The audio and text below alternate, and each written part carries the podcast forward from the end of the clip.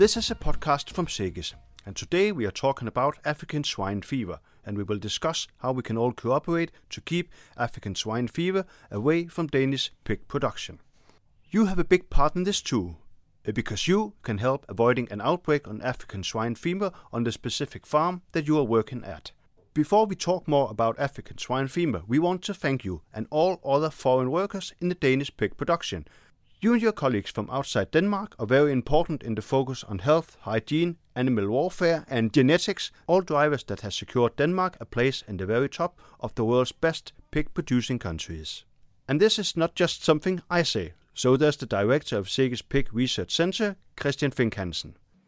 In my book, uh, I think it's it's fair to say that it is uh, to a great extent the non-Danish uh, farm workers that keeps the world turning in the in the Danish pig industry, and for that we are very grateful. Christian Fink Hansen said this on a webinar exactly about African swine fever, and we are going to visit this webinar a few times within the next 15 minutes or so. You are going to meet some experts that will give you and your colleagues hand on knowledge about African swine fever. Some of the things you will hear you probably already know. Let's call this a brush up. But I'm quite sure that you will also get some new tips and tricks. We will get to these tips and tricks soon, but first let's find out why it is so damn important that we don't get African swine fever in Denmark. Senior specialist and veterinarian Lisbeth Harm Nielsen from Landbrug og Fødevarer explains this. Well, that will have huge consequences for the Danish pig industry. The first uh, four days, you, we will have a. The first day we will have, have a standstill, or for some days, all transport between herds will stop. Um, there will be no export of live pigs. So for the exporting farmers, you know, some of the farmers they export all their animals. That is really a big problem. Where to, where to keep all these pigs that he suddenly cannot export. There will be no slaughtering, and uh, pigs will be killed, as you perhaps all know. Many of you perhaps know much more about this because you come perhaps from a country where you have the African swine fever and perhaps have seen the disease. But many, this is just how it will happen in what will happen in Denmark. Then from day four to day 14, well, there will still be no export of uh, pork, no export of live animals, so you still have to keep them on your site. Uh, the slaughtering will start again. Transport between Danish herds start again outside the zone, but only outside the zones. No transport from herds in the 10 kilometer zone from, from the, the outbreak farm. The restriction zones, as you know, is, is 10 kilometers. There will be no movement at all of animals, no slaughtering.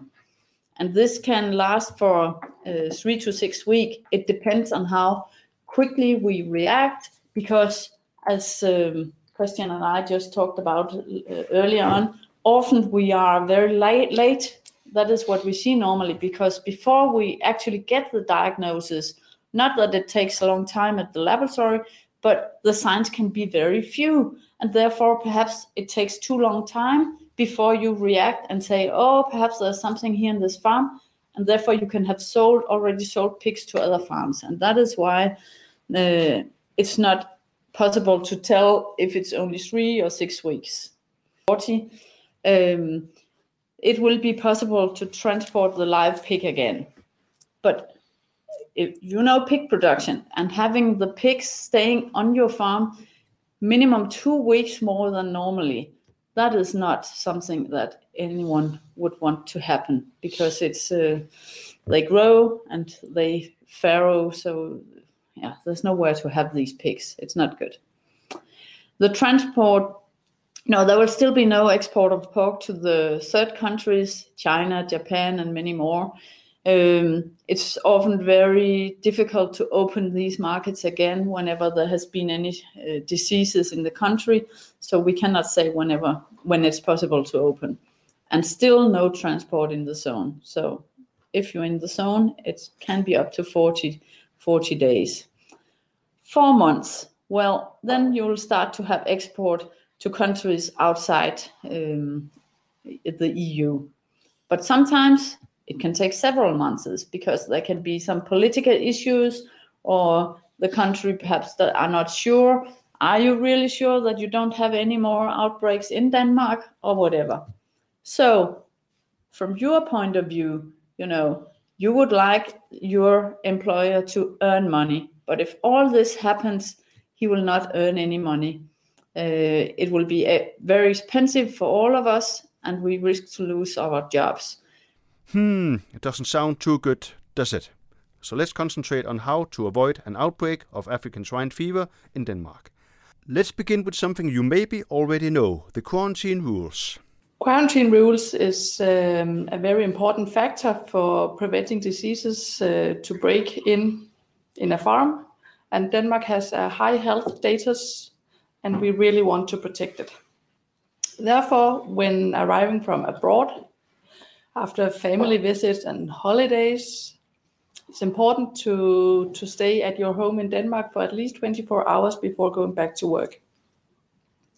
For the biosecurity, it's important to take a shower and change shoes and clothes um, when arriving at home in Denmark. Between herds in Denmark, there is a 12 hour quarantine uh, when going to a farm with a higher health status, like from when you go from a, a blue SPF to a red SPF farm. The personal access is the most important factor of um, keeping the unwanted diseases away. And this is why I will talk quite a lot about it today. The door into the stable must be locked all the time, and there should be a sign with the telephone number how to get in contact with the owner of the stable or the staff working in the stable. It is important always to enter the stable or the pig unit by the uh, entrance area, or in Danish we call it forrum, and this should also be the only entrance to the herd. Visitors must fill out uh, the visitors list because in case of an outbreak of any disease, it is a really important tool to figure out how the disease came into the farm. In the entrance area, you must change your shoes and your clothes, and wash and disinfect your hands, and if possible, take a shower before going in. The quarantine rules was here presented by Helena Houbak Kristiansen, a veterinarian at SEGES Pig Production.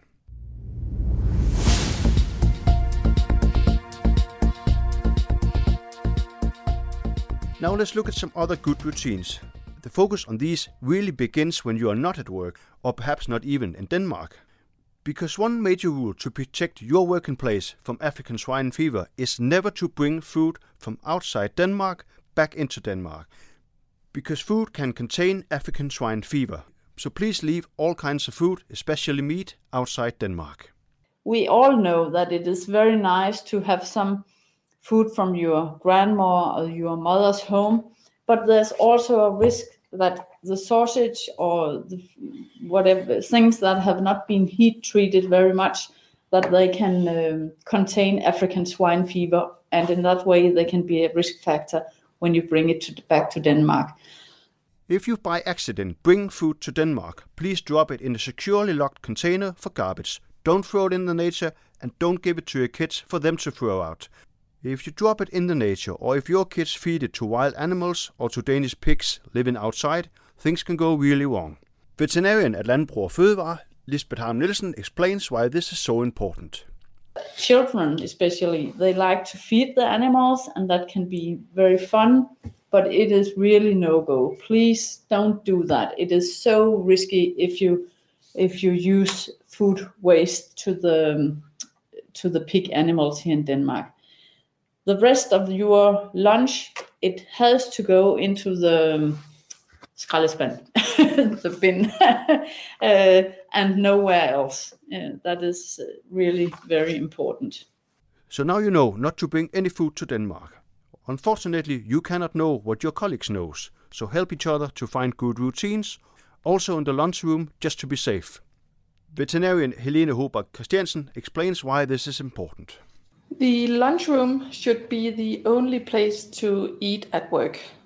You should only eat food when you're at work that is bought in Denmark and especially no meat products from abroad.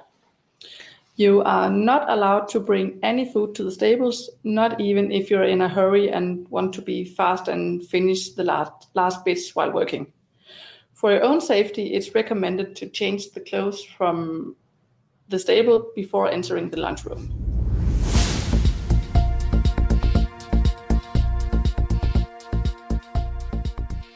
Now we have been through a lot of rules and tips and tricks. Could there possibly be any more rules? Actually, if you or your colleagues sometimes go hunting abroad, we would like you to remember a few things. Veterinarian Lisbeth Harm Nielsen explains why. When you go hunting, it is very important that you wash and disinfect the clothes. Um, no, that you wash the clothes at 60 degrees and that you disinfect your boots. Wash them first, clean the, the boots first, and then disinfect them. You cannot just put them into the Bioconess or whatever you use. If they're dirty, it will not work. It's just like the discussion with how long the virus can live.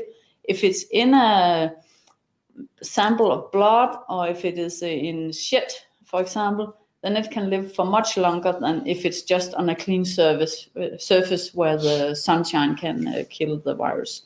No hunting clothes or boots on the farm. That is really a no-go. Remember that. Never ever. Um, and no wild boar meat. no meat at all. No, no food in the farm. Now you know a lot about African swine fever. One last thing we would like you to do is to be aware. Every day, every time when you go to work and take care of the pigs, please look at them. Is something unusual in the way they look or behave? African swine fever can be nearly impossible to spot in its early stage, but the quicker you and your colleagues can react and tell your boss, the less damage is done if we have an outbreak. Lisbeth Harm Nielsen, veterinarian at Landbrug Fødevarer, explains the diseases like African swine fever, sometimes it is very few signs, so it can be difficult. So whenever you are uh, in doubt, then just go to your manager, ask him, and talk to or talk to some of your colleagues. Could this be something I should be worried about? There will be an increasing mortality, and in the end, it will be uh, up to 90% or more. They will have fever, and they can have diarrhea, sometimes with blood. But you know, you can also see diarrhea when you have uh, E. coli or other diseases. So it can be difficult to to be sure if it's something uh, you should be afraid of or if it's just something else. Take action if you see any symptoms and go to your manager or your colleague and discuss if you should be, uh, be alert and say, "Oh, we have to get get some tests ta- taken." react as soon as possible.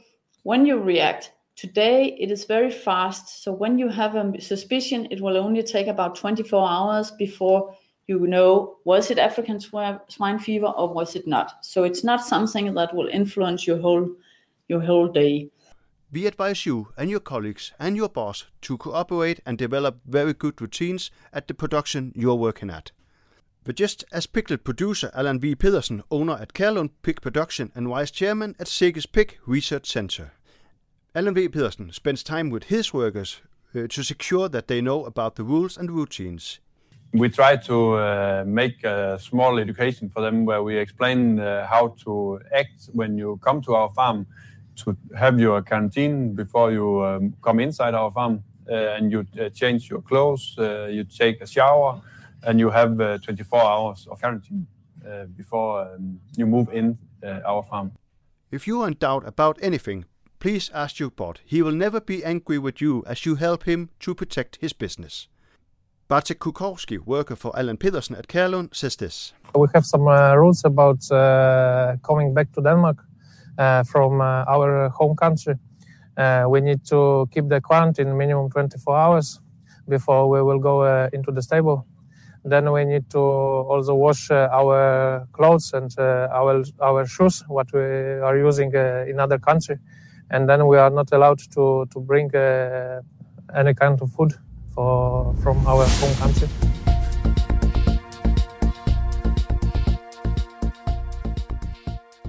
You have come to the end of this podcast, and thank you for listening.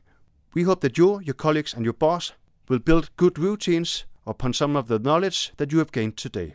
You have heard the highlights from the webinar Protect Your Farm Against ASF, you can watch all of this video webinar on SEGES.tv. If you cannot find it, go to the search line and write Protect Your Farm Against ASF.